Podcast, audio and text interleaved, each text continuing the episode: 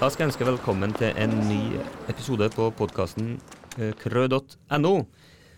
Og i dag eh, skal vi se litt eh, stort på faget kroppsøving. Skal se litt på det i et historisk perspektiv.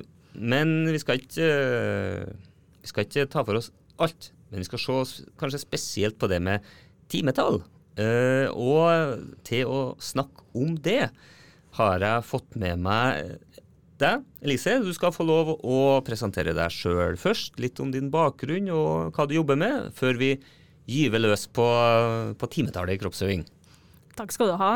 Eh, som du sa heter jeg jo Elise, og jeg jobber på lærerutdanninga i Trondheim. Og der for øyeblikket jobber jeg med en doktorgrad om eh, det jeg kaller historiske endringer i norske timeplaner. Og for dem som eh, jobber litt sånn administrativt i skolene, så kjenner de jo det her dokumentet. Det heter fag- og timefordelinga, og er en del av læreplanverket. Mm. Spennende. Eh, hvordan tilknytning har du til faget kroppsøving? da? Jeg er jo kroppsøvingslærer, da. Det er jo vet, derfor jeg er her. Eller det er derfor i hvert fall jeg har en interesse for kroppsøvingsfaget. Så jeg har jobba som kroppsøvingslærer i videregående, og har det som en del av lektorgraden min. Der mm. jeg har kroppsøving og samfunnsfag da, som fagene mine. Ja, interessant. Og det med samfunnsfag og kroppsøving, det er jo tette, tette bånd, og det er mye, mange paralleller man kan se der. Eh, I hvert fall om man tenker på kroppsøving som et form for danningsfag. da. Men vi skal se litt på det med, med, med, timetall. og Grunnen til at jeg tenkte det kan være veldig interessant å ha en episode om det. For det er jo veldig ofte sånne spørsmål om ja, vi må ha mer timer, vi må ha mer timer i kroppsøving. Det er for lite timer. Men jeg vet ikke om er det for lite timer, eller hvordan Hvilken ende skal vi starte i? Du kan jo kanskje få si litt først. Hvordan, har dette timetallet i faget utvikla seg? Ja, jeg kan jo starte med å si helt sånn generelt sett så har jo timetallet i skolen totalt sett gått veldig opp. Og det er jo viktig å ha med seg at det, vi snakker jo ofte om L97 og at skolen ble tiårig, men i tillegg til L97 sånn før og etter, så har det også kommet et helt år til, da, målt i timer. Ja. Så jeg pleier å si at grunnskolen er elleveårig. Og det tenker jeg vi må ha med oss som et bakteppe. Så når vi som lærere drømmer om å få en time mer der og en time mer der, så kan jo det være kjempebra for den ene liksom, aktiviteten vi holder på med i kroppsøving her og nå på kort sikt. Men det inngår i et veldig stort regnestykke som er større enn, enn den enkelte gymsal og større enn den enkelte lærer. Mm. Ja, kanskje burde, kanskje burde man innskrenke isteden? Kanskje. Ja, hvordan, hvordan har det utvikla seg da gjennom de siste Jeg vet ikke om vi skal ta de siste læreplanene, eller har, har det blir kanskje litt vanskelig å si da, om man relativt sett har fått mer timer eller ikke, eller om man uh, sakker akterut. Uh, da regner jeg med at du tenker for kroppsøving spesifikt? Ja. ja fordi kroppsøving, da, Vi kan jo si det først at den, da skolen ble niårig på 70-tallet, da var jo kroppsøving et veldig viktig fag. Og det eh, ble, var allerede da blant de på en måte største fagene bak norsk og matematikk. Altså Norsk og matematikk klart største fagene i norsk skole, men i gruppa bak der har kroppsøving alltid ligget i front. Mm. Og på det tidspunktet så var jo kroppsøving hadde en veldig viktig rolle for, som skulle være med å legge til rette for en skapende, kreativ skole. ikke sant? Man har veldig trua på eleven. Mm. Som uh, lite, nytte, lite nytteorientert uh, undervisning, og veldig knytta til Og der var kroppsøving uh, viktig, da. Men så er jo spørsmålet får kroppsøving timer etter det her. ja, det gjør det. det er ingen endringer i 87. Da kom det jo et læreplanverk. Men i L97, da når det ble lagt til et helt år, da får kroppsøving nye 100 timer. Så de fikk 500 på, da vi starta på 70-tallet. Mm. Nye 100 timer, og det tilsvarer jo ca. 1 12 time i uka. Gjør ikke det? Nei, to timer i uka. Ja. ja. Jeg husker ikke hvor mange skoleuker det er i et år ennå. Nei, det er jo 38. 38, ja, så det er enda mer enn tre timer i uka hvis du konsentrerer dem på et år. da. Mm. Og Så kom det 100 nye timer igjen med Kunnskapsløftet i 2006. Mm. Så det vil jo si at kroppsøving holder jo egentlig stand, altså relativt til de andre fagene. Mm. Jeg vil faktisk gå så langt som å si at kroppsøving er en timetallsvinner. Ja, yes, det... Eh, selvfølgelig ikke relativt til norsk og matematikk, og det kan vi jo diskutere i seg sjøl, men relativt til de andre fagene så er kroppsøving et fag som faktisk får timer. da. Mm. Ja, og det kan kanskje være litt overraskende òg. For man, ja, kanskje i sånn politisk ordskifte så opplever man at, uh, at, faget blir ofte trukket fram som viktig, og sånn, men så er jo av og til at man opplever at i form av handling, så blir det ikke prioritert i like stor grad likevel. Eh, men akkurat på det med timetall så viser det seg at vi kanskje har eh, nådd langt da, og, kommet langt. Eh, så vet jeg ikke om, om på en måte da kampen videre skal gå i om å få enda mer timer. Jeg tenker jo nei, men jeg tenker jo at det er viktig at kroppsøvingslærere tenker på at alt det her snakket om helse, f.eks., det blir konvertert til timer i kroppsøving. sånn at mat og helse det faget, da, som også kunne ha vært en del av denne uh, måten vi, uh, måten vi underviser om helse i skolen, de vinner ingenting på det her. Så det er alltid kroppsøving som får timene når det er snakk om helse, og så blir det fysisk aktivitet, og så blir det kroppsøving. da. Ja. Så selv om vi snakker om ernæring og mat òg, så ender det ikke med timer til mat og helse. Det ender med timer til kroppsøving. Mm. Så kanskje er man en større vinner enn man tror. Det, det, er en del ting som tyder på det da. Nei, men det er interessant. Og, og vi er, altså kroppsøving er jo det tredje største faget, hvis man teller i, i timer gjennom grunnskoleløpet. Og det er jo noe overraskende for en del, da. Det er kanskje innlysende det med at det er norsk og matematikk som er de store fagene, men kroppsøving er et veldig stort fag, altså. Eh, og på bakgrunn av at man har det hvert år. Mens kanskje en del andre fag er, har man ikke alle årene, iallfall av de praktiske estetiske fagene. da. Mm. Ja, hva mer skal vi si uh, om faget i litt sånn historisk perspektiv, da? Det er jo det at man Jeg tenker jo at en viktig Eller viktig, det vet ikke jeg, skal jeg si, men eh, en interessant eh, dreining. Jeg sa jo et stikkord i stad om fysisk aktivitet, eh, om kroppsøvingsfaget eh, framover og allerede. Så tenker jeg at begrepet fysisk aktivitet kan finne på å få en sterkere fot i faget. Og det er det jo mange lærere som er med, og mange lærere som er mot. Det er noen lærere som i hvert fall jeg har eh, jobba med, som var veldig opptatt av denne såkalt kunnskapsdelen av faget. At det skal ikke bare være et fag der du blir svett. Du skal lære noe. Og det her med fysisk aktivitet tenker jeg kanskje peker i litt annen retning. da. Den peker i retning av at det er helt greit å bare bli litt svett. Mm. At det er det som er poenget med faget. Og det er jo litt sånn, hva vil politikerne med faget? De vil jo, jeg vet ikke, de vil vel kanskje først og fremst at barn ikke skal bli tjukke, eller? Ja. De har jo en del bekymringer, og det er jo en av tingene, eh, uten at jeg skal liksom eh, pinpointe til at det bare er det. Men de er veldig opptatt av den fysiske aktivitets... De er, de er det, og ofte så blir jo faget omtalt som et helsefag, eh, bl.a. Eh, med den forrige kunnskapsministeren eh, fikk jo en del kritikk eh, når, var, når, hun var i media og snakka om kroppsøving, så ble det fram, tratt fram at det var et helsefag. Da, det er på en måte helseperspektivet som blir trukket fram. Og ikke bare det, men et syn på helse som er litt mer sånn medisinsk eh, forebyggende, unngå sykdom-aktig. da, Og ikke kanskje som helse som en ressurs. Så i de siste ja, iallfall i de siste læreplanene så, og med, med, Kunnskapsløftet i 2006, og så så tror jeg at synet på faget politisk sett har vært dreid i enda større grad mot å være et folkehelsefag, helsefag, i sånn forebyggende øyemed mer enn kanskje det var i L97, og kanskje jo tidligere eh, læreplaner. Eh, det er klart, faget fra starten av hadde jo et eh, mandat knytta mer imot det militære og, og, og oppbygge soldater, kompetente gutter til å kunne være med i, i krig, så har det jo endra seg en del. da, Og det er nok en dreining i den siste læreplanen òg til å, å, fokusere litt mer sånn holistisk på faget. Litt mer at det òg skal innebære ja, kan kalle det mer et danningsperspektiv. da.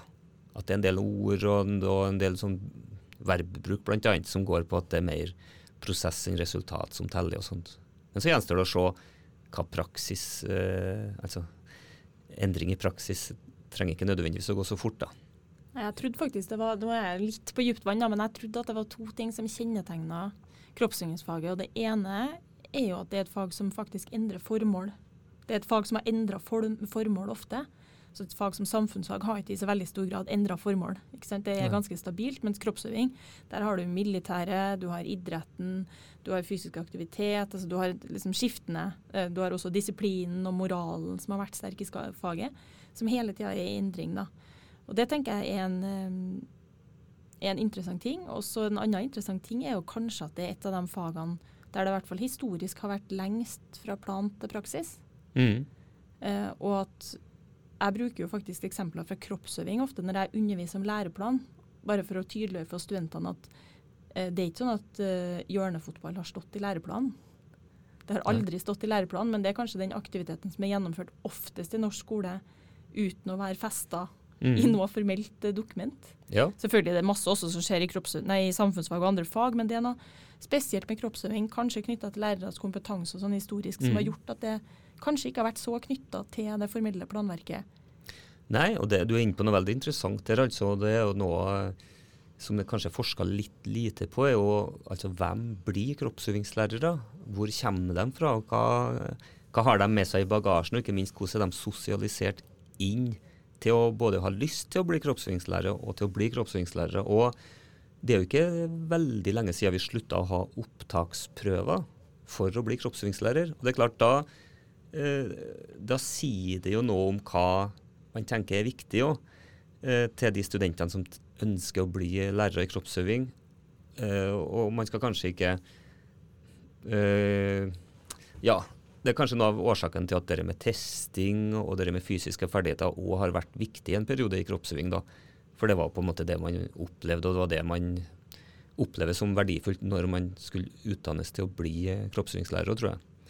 Men det er, jo, det er jo ikke sånn lenger at det er fysiske opptaksprøver for å komme inn på, på utdanninga, men det, det er ikke veldig lenge siden det ble slutt på det, da, faktisk. Så det er interessant det du sier. Det har på en måte skifta, og det har kommet ting til og kommet ting fra. Det var perioder der at hygiene bl.a. var noe av eh, ja, syftet til faget, eller mandatet til faget, som eh, som har vært omdiskutert i det siste, da, om skal på en måte elever dusje eller ikke, og er det det behovet for å, for å vaske barn i skolen som det var på 40-, 50-, 60-tallet osv. Så, videre. så det har, det har endra seg mye. og det er klart, Skole og utdanning er en stor skute å snu, så det er klart, det er ikke sikkert man har rukket, rukket å liksom komme etter læreplanen før det har kommet en ny en.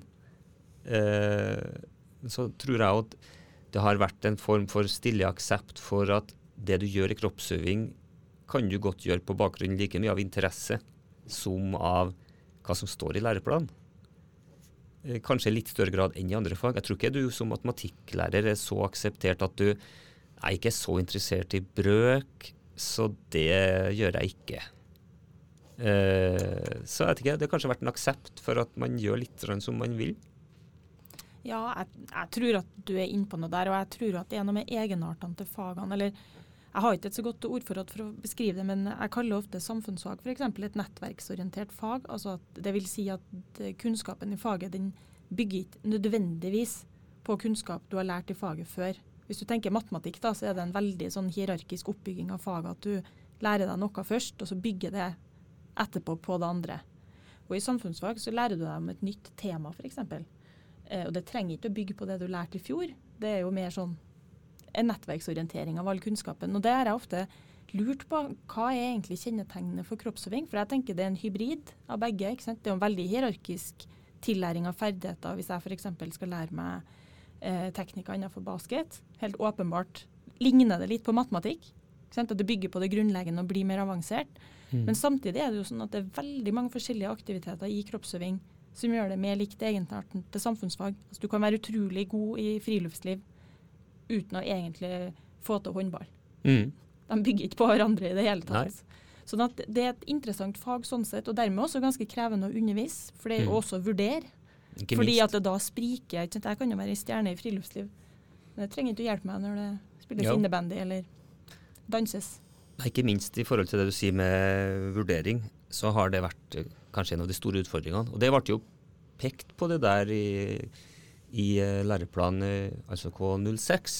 Blant annet så var det en artikkel som Ida Lyngstad skrev omkring hvilken type kompetansemål har vi i kroppsøving. Og det er utrolig utfordrende at vi har de målene som er helt spesifikke i forhold til eh, f.eks. hvor langt du skal kunne svømme, sånn som vi har målene i dag òg. Så det har ikke skjedd noen endring Sånn sett, Vi har de målene som er veldig spesifikke på hva på sånn mer målbare ting som du skal kunne, og så har vi de målene som er mer ja, kollektive mål, da, som oppfordrer til samarbeid og til mer empatiske sider ved elevene, og at det skal utvikles, og mer sånn kall det mer danningsmål. Da. Så det er veldig sånn sprik i hvordan de målene er utforma, som selvfølgelig gjør det utrolig vanskelig å vurdere når du skal vurdere en helhetlig kompetanse. For som du sier, noen elever er utrolig flinke til visse kroppslige ferdigheter, kanskje, men så har de kanskje lave ferdigheter eller lite forståelse for uh, andre deler av faget. Så hvordan skal vi på en måte uh, hva skal vektlegges mest og ikke. Og Der er det kanskje få retningslinjer, og det har det vært òg. Det har vært en kritikk for det de to siste læreplanene. For under L97 så var det en slags sånn tredeling. Du skulle vurdere en tredel på ferdighet, en tredel på kompetanse og en på, på holdning. Men nå er det ikke noe sånt. Du skal på en måte ta alle kompetansemålene under ett. og Det er det samme vært i de to siste læreplanene. Og det gjør det veldig komplisert å vurdere. da. Så det er litt på godt og vondt. Ja. Jeg er jo egentlig glad, altså, Min generelle holdning er jo at jeg er glad for alt handlingsrom som skolen og lærerne egentlig har. Altså Det er min grunnholdning. At alt som er overlatt til skolen å ordne opp i, det har jeg stor tiltro til at lærerkollegiet sjøl faktisk finner gode løsninger på. Og jeg tror i hvert fall ikke det klarer å lages noe bedre løsninger på Stortinget i Oslo. Satt på Nei. spisen, for det er jo ofte det det står mellom, eller Utdanningsdirektoratet helt spesifikt. Og jeg tror ikke det er noe bedre at handlingsrommet innskrenkes derfra, men selvfølgelig når du reiser sånne spørsmål eller case om vurdering eller andre spesifikke ting, så det utfordrer jo litt prinsippene mine, sjøl om jeg mm. fortsatt, fortsatt rir, det, rir, det, litt, da. Det må jeg jo si. Men jeg ser jo den at det i mange tilfeller av vurdering i, i samfunnsfag, og der henger det jo igjen eh, Jeg drar jo ofte parallellen til samfunnsfag siden det er faget mitt, men der henger det jo igjen også noen utfordringer med at man kaller det et muntlig fag, mm. og så er det noen forskjellige tolkninger av den setninga men jeg tenker på akkurat samme måte som kroppsøving, så har fagene sin sånn egenart og noen sånn egenartsproblematikker mm. som de sliter med. Mm. Og det du sier der med variasjon i kompetansemål, utfordringer med vurdering, kompetanse, holdning Jeg tenker det her er det masse av det som gjør, ut, uh, gjør kroppsøving til et krevende lærerfag. Ja, og, og man, kommer, man, havner jo fort i den debatten om faget skal ha om man på en måte skal ha karakter eller ikke. Og det er jo på godt og vondt. Uh, det var jo snakk om at faget skulle bli, sammen med de andre praktiske-estetiske fagene, trekkfag i tiende. Det ble gjort noen forsøksordninger, men direktoratet fant det var et litt tynt grunnlag for å innføre det, så det ble ikke innført i, i første omgang i alle fall. Men det er òg noe som de fortsatt kikker på, da, om fagene skal innlemmes i, i eksamensordninga på en eller annen måte. Eh, men det, det der, jeg vet ikke om det er noe som på en måte har vært veldig utfordrende over lang tid. Jeg kjenner på en måte kroppsøving fra L97 og, og ut, og, og, sett at det liksom har skjedd noen endringer og, og dreininger. Men uh, hvordan det der var i, i, starten, det vet jeg litt lite om, altså. Men jeg kjenner jo til kroppsøving fra andre land, der at det faktisk er som et slags sånn eksamensfag helt fra, helt fra første klasse. Ja. Men da er det jo en, altså eksamineringa i faget er en teoriprøve, da. Eh, og det er, jo, det er nok ikke dit jeg tenker at det er viktig å, å dra faget, eh, altså. Så debatten om eksamen eller ikke, og debatten om vurdering, det er kanskje ikke det vi skal diskutere altfor mye i dag. Men det er, en, det er, en, viktig del av faget, det, òg, det med vurdering. For det er der ofte at man ser veldig sånn sprik i praksis. da. Og når det er lite retningslinjer, så kan det kanskje øke spriket, men for mye retningslinjer igjen vil jo innskrenke handlingsrommet og på en måte de lokale variasjonene man bør legge opp til å ha. da. Mm. Ja, det er mange utfordringer der. og Jeg tenker jo at et biprodukt av at uh, politikerne herser mye med skolen, det er jo at veldig mange lærere sidestiller det at hvis vi gjør det samme i alle klasserom eller gymsaler eller andre læringsrom, så betyr det kvalitet. Og det har jo jeg ofte prøvd å opponere mot både i skolen og på lærerutdanninga. At det at vi toene gjør det samme i to forskjellige klasserom, det er ikke i seg sjøl en kvalitetsindikator. Nei. Mener jeg, da. Og at kanskje er det noe med politikken de siste 20 årene som har gjort at ikke at det nødvendigvis har blitt en hvilepute, men at det er sånn vi egentlig litt i bakhodet forstår kvalitet. Da. Sånn at f.eks. hvis vi følger den samme årsplanen i kroppsøving, så tenker vi at det i seg sjøl er bra, eller noe som helst. Og det tenker jeg i utgangspunktet er feil. Da. Jeg tenker i utgangspunktet at om vi gjør akkurat det samme, eller om det er variasjon mellom de to årsplanene vi følger i to parallelle klasser, så betyr ikke det nødvendigvis at det er dårligere, at det er dårligere kvalitet.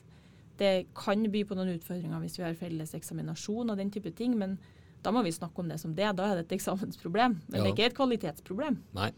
Og det er noe med sånn å være litt ryddig på hva er problemet. Fordi politikerne er jo flinke på å peke på problemer, og der tenker jeg det er viktig at vi rydder litt for å finne ut av hva er det som egentlig er problemet. Ofte er det et eksamensproblem. At Mhm. vi gjør forskjellige ting i undervisning. Men det er jo ikke et kvalitetsproblem eller et problem for elevene, egentlig. Nei da, og, og jeg tenker ikke at Jeg ønsker kanskje en mindre størrelse på den politiske hånda inne i skolen når det gjelder i forhold til metode og innhold, altså. Og jeg tror heller ikke at vi skal legge opp til at, at man skal gjøre det samme rundt omkring eh, i kroppsøving. Men det er kanskje vurderingspraksisen som For det blir ofte knytta til opp, opp, blir oppfatta som urettferdig eh, i forhold til at noen vektlegger det ene kontra det andre osv. Mm. Eh, skal vi Er det flere ting i sånne historiske perspektiv vi kan si noe om? Det, jo det har også vært en debatt om det med navnet til faget. Vet du noe om det? Ja, det heter vel Altså kroppsøving kom vel eh, på 30-tallet? 36? Ja, 39 Tror kanskje? 39? Tror jeg. Da kom det i hvert fall en læreplan. Mm. Så da pleier det å være navneskifta. Uh, jeg bruker ordet kroppsøving, da. Jeg har Mhm. alltid gjort det. Jeg har aldri snakka om gym uh, som lærer, sikkert som elev. Men uh, det er jo gymnavnet som brukes, har jeg inntrykk av. Også tungt på lærersida. Mm. Men før det, før kroppsøving, så het det vel het det noe sånn legemsutøvelse, eller det faget som var før 1939, da. Det var jo bare for noen. Det var Mm. jo ikke for alle elevene. Så det var jo først uh, senere at det ble innført som et liksom, obligatorisk fag for alle. Mm. Men jeg tror det het, eh, det vet kanskje du, det het noe sånn legems, legemsutøvelse eller UV, noe sånt. Ja, og da Ja, det var Jeg husker ikke akkurat navnet, men det var noe i den Og det kom på Toneart. slutten av 1800-tallet. Ja. Og så var det fram til ja, Jeg sa 36, men det var 39. Og da, fram til da var det vel i bare byskolene Mm. som hadde faget. Mm. For på landsskolene hadde man på en måte nok eh, kroppslig aktivitet likevel gjennom arbeid. da. Mm. De, man gikk vel fort bare annenhver dag på skolen, og så jobba man jo hjemme på gården de, de andre dagene. Mm, Og det er jo i 1974 der som er min forskning for så vidt starta. Det er jo det, en av de interessante tingene med 1974 er jo at vi, det er første gangen vi får en felles grunnskole. Mm. Det er jo først i 74, selv om det er jo mange forsøk på, på forskjellige sammenslåinger før det. og Noen kommuner var jo tidlig ut, men sånn nasjonalt, fullt og helt endelig niårig skole felles for alle, den kom i 74. Ja. Så det er jo også da vi kan med liksom, trygghet si at da blir kroppsøving et fag for alle. Ja. Selv om det nok ble innført uh, de aller fleste plasser Mm. også før det. da. Het den M74? Mønsterplan? Ja, M74. Ja, Samme som mønsterplan i 84? 87. 87? Ja. Og så var det L97. Riktig. Ja, så det er en sånn tiårs Liten Ja. sånn tiårssyklus fort på de læreplanene, da.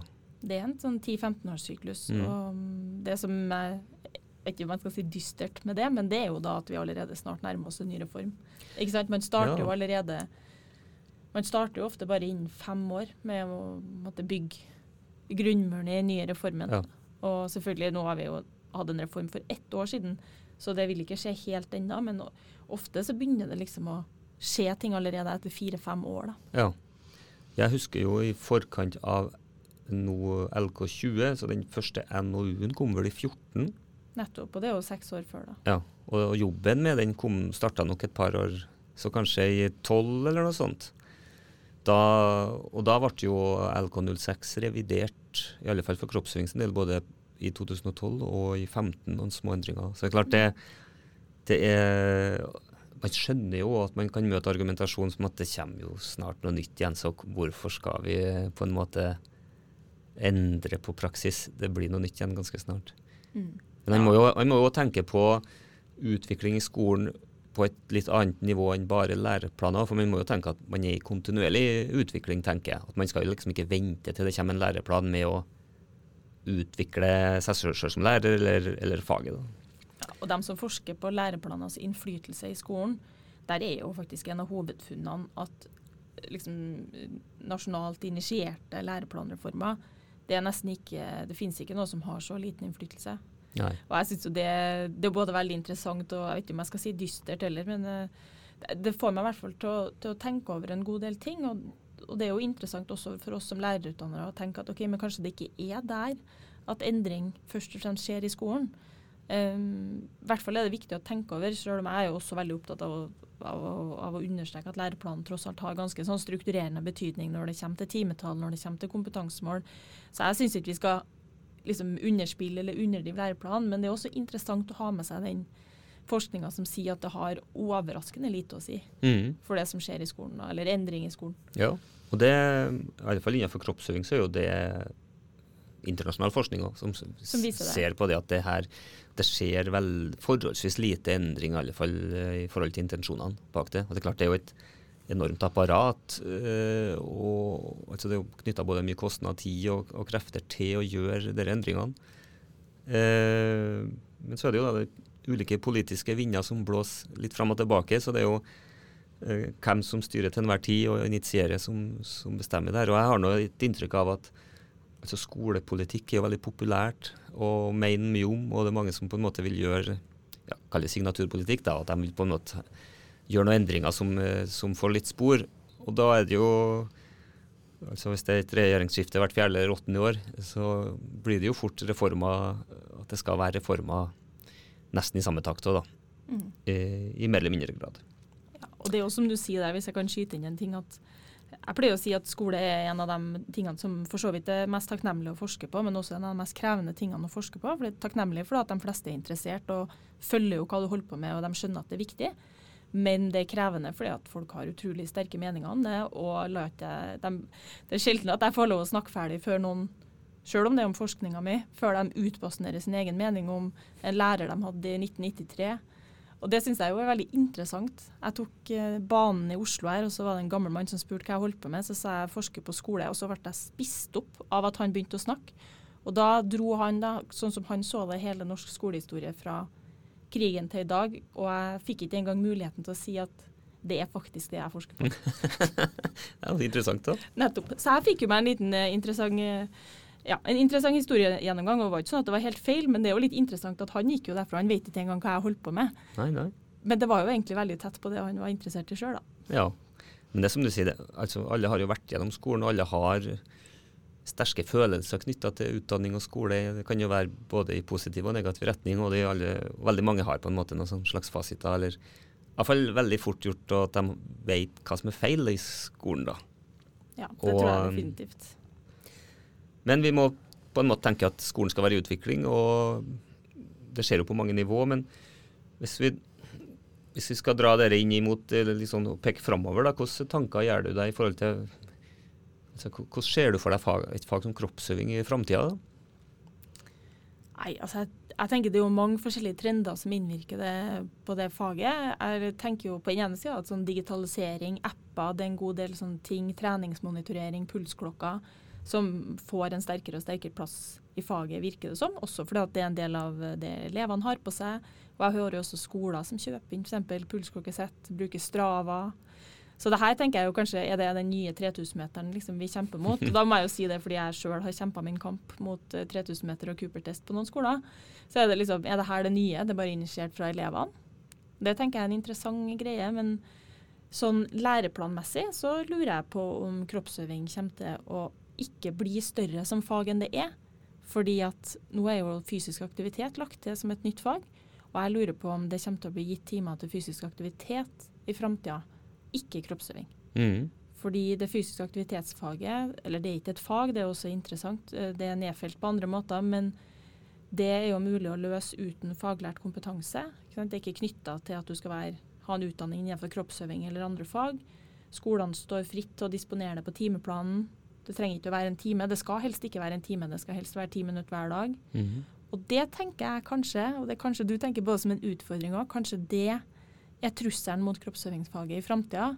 Det er at det da brukes mer som et friminutt for å overleve resten av dagen, og dermed da under paraplyen eller overskrifta fysisk aktivitet. Da. Mm. Ja, en, jeg tror det er en helt reell problemstilling.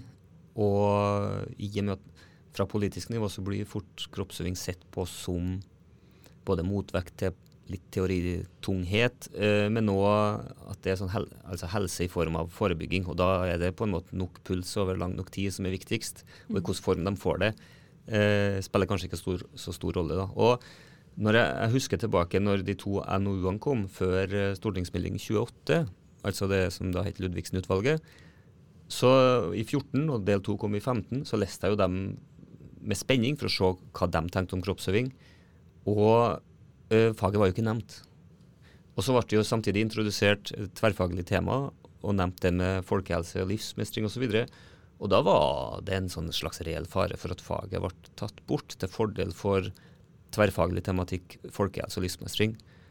Men så var det hard eh, lobbyvirksomhet fra mange fagmiljø som gjorde at når først stortingsmelding 28 kom, så sto det jo veldig mye om både kroppsøving og de praktisk-estetiske fag, og de kom veldig styrka ut av den stortingsmeldinga. Men det var ikke pga. det forarbeidet som Ludvigsen-utvalget har gjort. som jeg tror I den delrapport to så var jeg søkt da i PDF-filer, så bare søkte jeg på kroppsøving, så dukka det opp seks ganger. Og det var kun i forbindelse med at han ramsa opp fagene. Så det var, det var, rett og slett ikke nevnt som fag, altså. Og det var en litt sånn skremmende tanke eh, da. Men det gikk veldig bra. Så faget har på en måte holdt sin posisjon og kommet styrka ut av det sammen med de andre praktisk-estetiske fag. da. Også i forhold til timetallet. Ja, veldig interessant. Er det noe mer du tenker du skal ha sagt omkring eh, fagets historikk eller framtid? Tror ikke at jeg har noe mer eh, å tilføre, annet enn at jeg tenker eh, det med fysisk aktivitet blir en interessant framtid. Og hvis vi òg kobler det til det jeg sa med liksom pulsklokka og andre dingser, så tenker jeg der har du jo gående, der har du jo også et lærerfritt fag. Mm. Og det er jo liksom, Vi skal ikke snakke om selvkjørende biler i denne podkasten, men jeg tenker jo, det er jo noen innretninger som kommer til å være veldig billig i skolen i framtida, hvis man velger å gå mm. for noen løsninger. Og det jeg tror skolen faktisk kan finne på å se veldig annerledes ut i framtida, selv om det, mange er opptatt av at det er en institusjon som ikke endres så mye. Mm. Men kanskje begynner vi å se sånn som i kroppsøving f.eks. Kan en tredel av timene gjennomføres alene? Ja, det har vi jo allerede i videregående, kalles egentrening. Mm. Så her ser vi jo noen tendenser til at kroppsøving kanskje særlig kan finne på å bli et litt sånn, se ganske annerledes ut da, ja. om 10-20-30 år, kanskje. Ja, det kan bli kall det amerikanske tilstander. Ja, amerikanske der, tilstander. der faget i hvert fall en del stater er frivillig uh, og baserer seg på fitness-testing og at man på en måte bare skal opprettholde et visst nivå av aktivitet, så er det OK, da. Vi, øh, men jeg tror kanskje med den nye læreplanen så er det en dreining i at faget er mer prosessfag, danningsfag. Så får håpe at det slår rot, og at på politisk nivå så ser man verdien av faget mer i lys av danningspotensialet i faget, da. Og ikke bare som et uh, uh, fag der elevene skal svette og smile. Det tenker jeg er et godt poeng. Tusen takk for at du stilte opp for å ta en liten sånn refleksjon om faget fortid, nåtid og framtid, Elise. Tusen takk skal du ha.